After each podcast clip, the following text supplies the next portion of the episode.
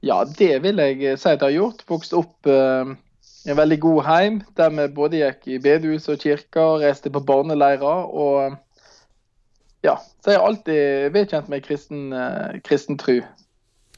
Ja, for du vokste opp på det som blir kalt for Strilelandet, stemmer ikke det? Jo da, det, det er riktig. Så, der vokste jeg opp. Ja, Dette kristne miljøet der i, ungdom, i, i barndom og ungdomstida di, hvordan vil du beskrive det?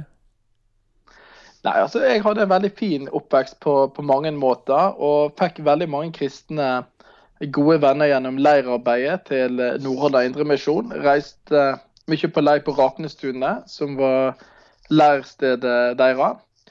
Og, og, der fikk jeg nok et stort eh, kristenmiljø i, i Nordhordland. Og har mange av de vennene og er mye med dem ennå. Så det betydde veldig mye for meg. Og ellers så var det å gå i barnelag. Jeg var aktiv i skolelaget, både på ungdomsskolen og, og videregående. Og eh, trivdes veldig godt. Så jeg hadde en god, god oppvekst på, på, alle måter.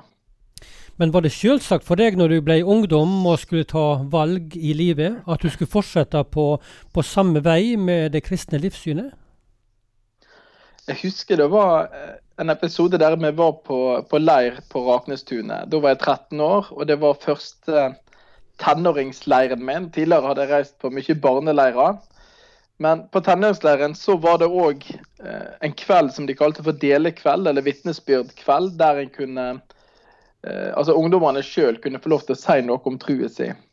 Og jeg hadde ikke vært med på det før, og syntes det var litt rart, for eh, det å stå framme og si noe om Bibelen og tru og, og sånn, det var noe lederne gjorde.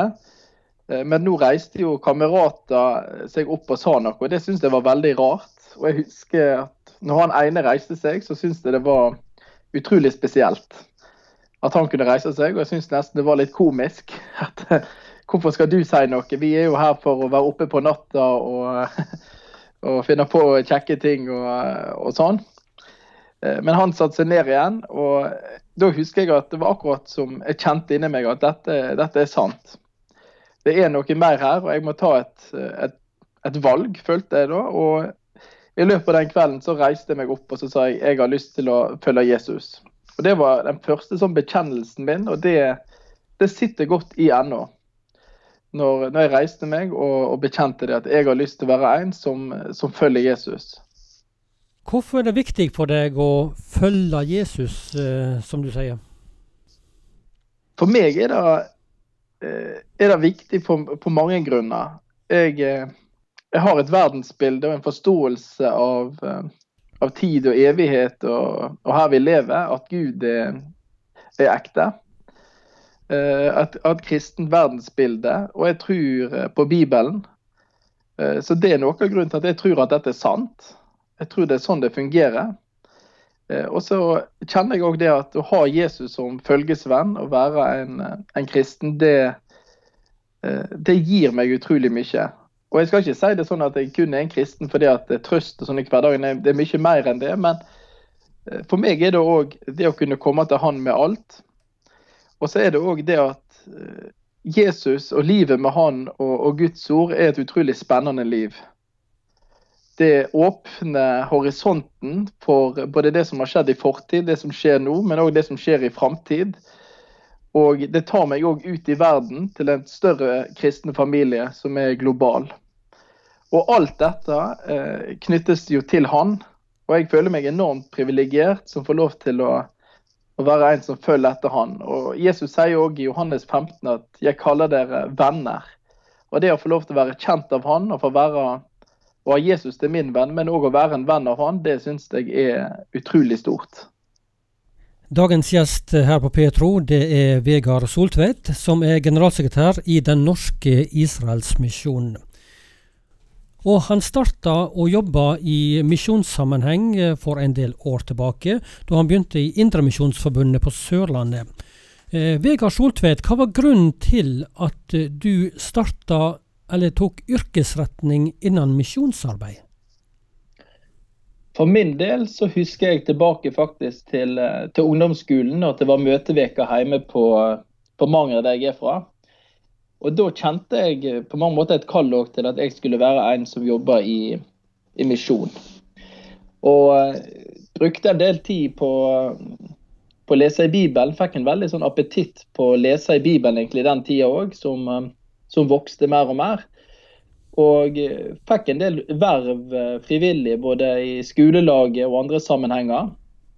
Og begynte òg å ha en liten sånn gruppe sammen i Nordhordland som vi kalte oss for Ostafjordguttene. Og som sang og hadde møte når vi var i slutten av tenårene. Eh, så for min del så, eh, så, var det i hele den prosessen egentlig med frivillige verv, der jeg hadde mye av mitt engasjement fra før òg, så fikk jeg noen småjobber, deltidsstillinger i misjonen eh, mens jeg studerte. Og, og, så fikk jeg da full jobb i, i Indremisjonsforbundet på Sørlandet etter hvert. Ja, og så tok du utdannelse. Du har mastergrad både i kristendom og mastergrad i historie.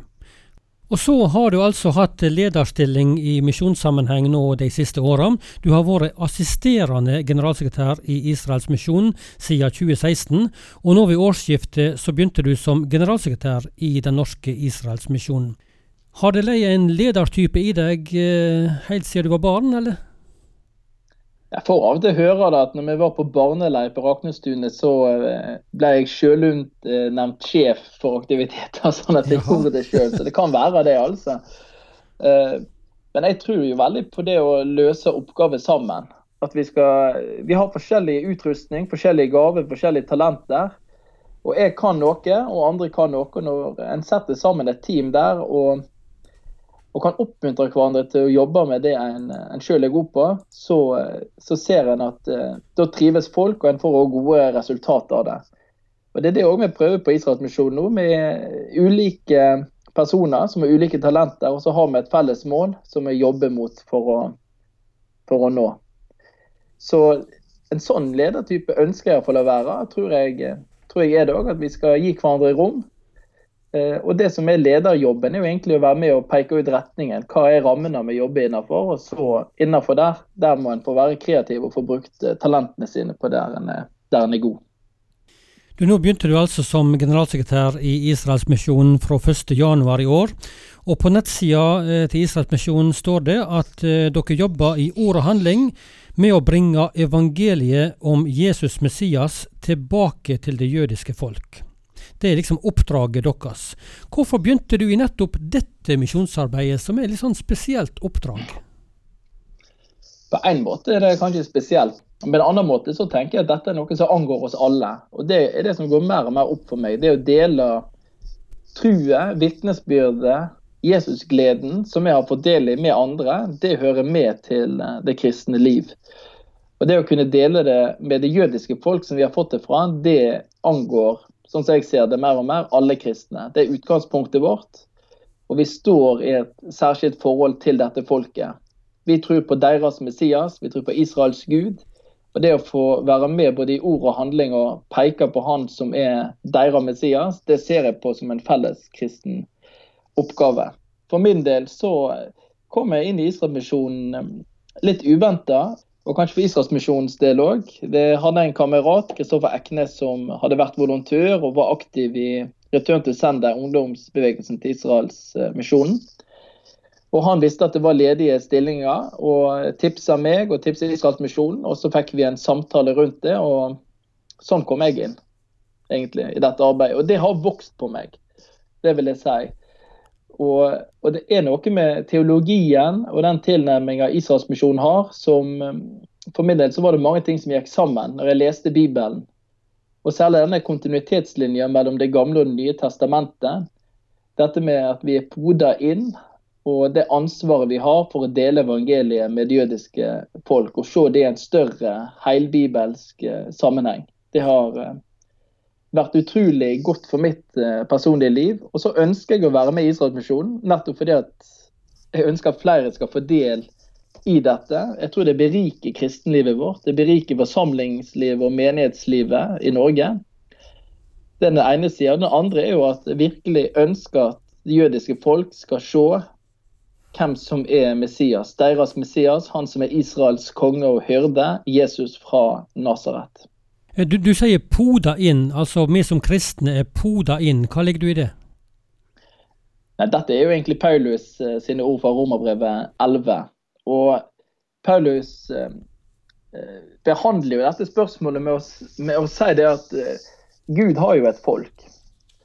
Og med, med evangeliet og trua på Israels Messias, så blir altså hedningene poda inn i dette gudsfolket. Jeg syns han sier det også godt i Efeserbrevet når han eh, snakker om at vi som før var langt borte, det er fra kapittel to der, vi er kommet helt nær pga. Jesu blod. Vi har blitt medborgere, vi har blitt en del av Guds familie. Og det er denne utvidelsen, denne innpodningen, at vi blir poda inn i Guds familie.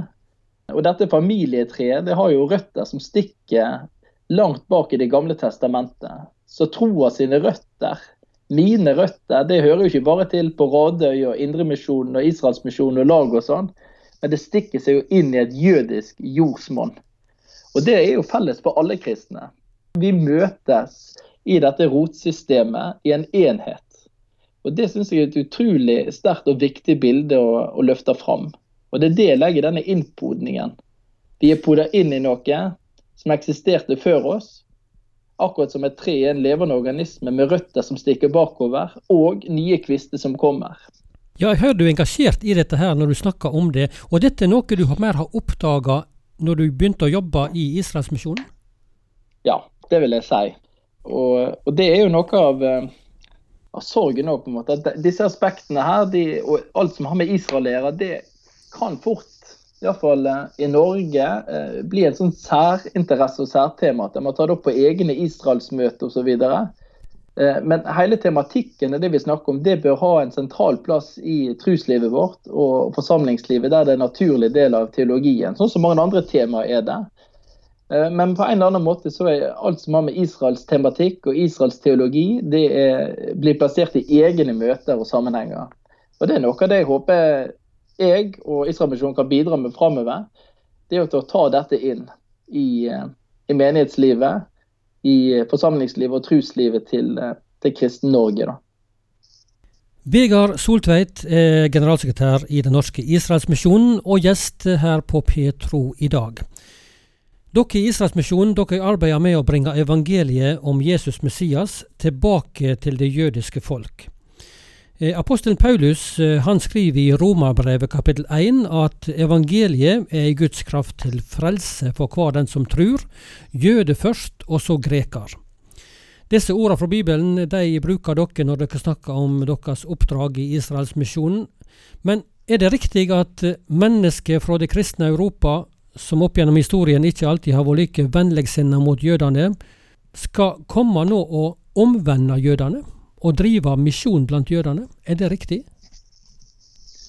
Det er et spørsmål vi, vi får um, av og til, og som vi er nødt til å ta stilling uh, til. og Det gjelder ikke bare oss, men det gjelder jo alle som tror. Er det rett å dele vitnesbyrdet om, om, Jesus med andre? Og Til det vil jeg si et uh, krystallklart ja. Vi har et ansvar. Vi har et ansvar overfor nærmiljøet vårt, vi har et ansvar overfor folkeslagene, og vi har et ansvar overfor det jødiske folk, for Israel om å bringe evangeliet. Det som er spesielt med Israelsmisjonen, er jo at det er en tilbakemisjon. En går jo tilbake med evangeliet til utgangspunktet. Og Så kommer hele kirkehistorien eh, vår fram. og Den har utrolig mange sørgelige og mørke kapitler når det gjelder kirka og synagogen. Og, og, det må vi ta på alvor. Det handler for oss om å gi evangeliet tilbake både i kjærlighet og respekt. Samtidig så kan ikke kirka sine overtramp, sine misgjerninger opp gjennom historien, eh, bety det at vi skal la være å fortelle evangeliet. Vi skal la være å fortelle de gode nyhetene. Sånn som jeg ser det, vil det være et enda større overtramp. Vi ønsker å gi det jødiske folk det aller beste, det største vi har fått del i, og det er evangeliet sier Vegard Soltveit, og tar oss med til noe av det som Det nye testamentet sier om misjon blant jøder. Og Når vi går til Det nye testamentet, så er det jo én ting som er helt sikkert. Det er at misjon skal drives blant jøder. Når vi leser apostlenes gjerninger, så går jo Paulus til synagogen alltid først. Når han kommer til en ny by, så går han til synagogen. Han går med evangeliet til det jødiske folk, for han er det programfesta. Evangeliet skal forkynnes diskusjonen i Det nye testamentet er jo ikke om en skal drive misjon overfor jøder, men det er jo egentlig motsatt. Skal en drive misjon overfor hedninger? Kan hedninger, altså ikke-jøder, komme til tru? Eller må de gjennom jødedommen? Må de konvertere til jøder? Og Det er det som er hele debatten, der de slår fast i dette apostelkonsilet at ja, hedninger kan komme til tru, og det er ved tru alene de kommer inn. Og så er det noe som har skjedd i kirkehistorien der en har snudd dette opp ned eh, på hodet. Og Derfor kommer også dette spørsmålet. Det er rett å drive misjon blant jøder. Spørsmålet kan jo komme fra ulike vinkler, selvfølgelig. Noen Eh, sier det sånn som du la det fram nå, at eh, pga. etiske omstendigheter, holocaust, eh, andre overgrep i kirka, trakassering, antijudaisme osv., gjør at skal vi nå komme med enda en ting, altså evangeliet, at det da skulle være forstått som en negativ ting. Et annet utgangspunkt er jo at en tenker at det jødiske folk allerede er frelst i kraft av sin utvelgelse og Derfor trenger de ikke evangeliet. Og En tredje er jo at Gud skal frelse dem en gang i framtida. Derfor trenger ikke vi å bekymre oss for det nå. Så Det kan komme fra ulike sammenhenger, men når vi leser hele Bibelen i sin sammenheng, og ser òg apostlene sitt hjerte, så sier de aldri nei til å forkynne evangeliet til jøder, men det gir det en prioritet. Dette er viktig for trua vår, at det jødiske folk får ta del i frelsen ved Jesus. Han er veien til frelse, og han er den jødiske frelsesvei. Og det er det som vi snakket om i stad. Det er det som er det store mysteriet. At jeg, som ikke er jøde, får ta del i frelsen på samme måte. Så vi har på en måte snudd det, der vi har satt oss sjøl i sentrum. Mens troa sitt utgangspunkt er jo fra Jerusalem. Vegard Soltveit, eh, vi skal snakke litt om eh, den situasjonen som du havna opp i nå, når du nettopp har begynt som generalsekretær. For koronapandemien har ramma, og hva utslag har det òg gjort for Israelsmisjonen sitt arbeid, hvis du skulle ta et sånt overblikk? Nei, for, for, oss som alle andre så betyr det jo at alle reiser til Israel det er umulig å få til. Israel har veldig strenge retningslinjer og restriksjoner i korona. Og eh, har jo hatt sånn lockdown i hele det israelske samfunn. Så det er den ene sida. Den andre i Norge er jo at uh, alle kollekter og basarer og sånn fikk en litt stopp, og vi har vært nødt til å tenke nytt. Men vi er en liten organisasjon og, og, og kunne snu oss uh, relativt fort. Og mange kreative og flinke medarbeidere har gjort en kjempeinnsats. men samtidig så er det usikkert framover. Masse av vår drift og, og sånn som vi vi driver misjon, er jo basert på, på gaver, på kollekter, på givertjeneste, lotterier osv. Så, videre. så her må vi tenke litt nytt og alternativt. Men det som er mest eh, kritisk, er jo det som skjer ute, helt klart. Og vi får rapporter fra Israel der koronakrisa òg rammer folk der. Eh, vi har et krisesenter i Jerusalem, Mahaseh, og de melder jo om at under koronaepidemien og pandemien som går nå, så har veldig mange fått en usikker framtid. Levebrødet er gått vekk. Fattige er blitt enda fattigere. Eh, det er stort behov for matutdeling. Under lockdown er det mange som er ensomme og ikke har gjerne venner og nær familie rundt seg, som har sittet uten mat. Så det er stor nød eh, på den fronten. Og Samtidig melder de òg om at denne usikkerheten i heimene gjør òg at vold i familien øker. Så det er et stort behov for diakonale tiltak og, og hjelp på den måten. Eh, så det går utover de aller svakeste òg. Vi har òg et aldershjem i, i Haifa, Ebenezer-hjemmet. Og Der òg er det strenge restriksjoner nå. Heldigvis er ingen blitt smitta på aldershjemmet vårt, men det er strenge restriksjoner som betyr merarbeid for de ansatte, og en situasjon der eh, beboerne er så å si isolert på hjemmet. De får ikke besøk av familie og, og andre. Det må i så, så, fall skje at familien er på utsida av bygget og de snakker med hverandre gjennom vindu.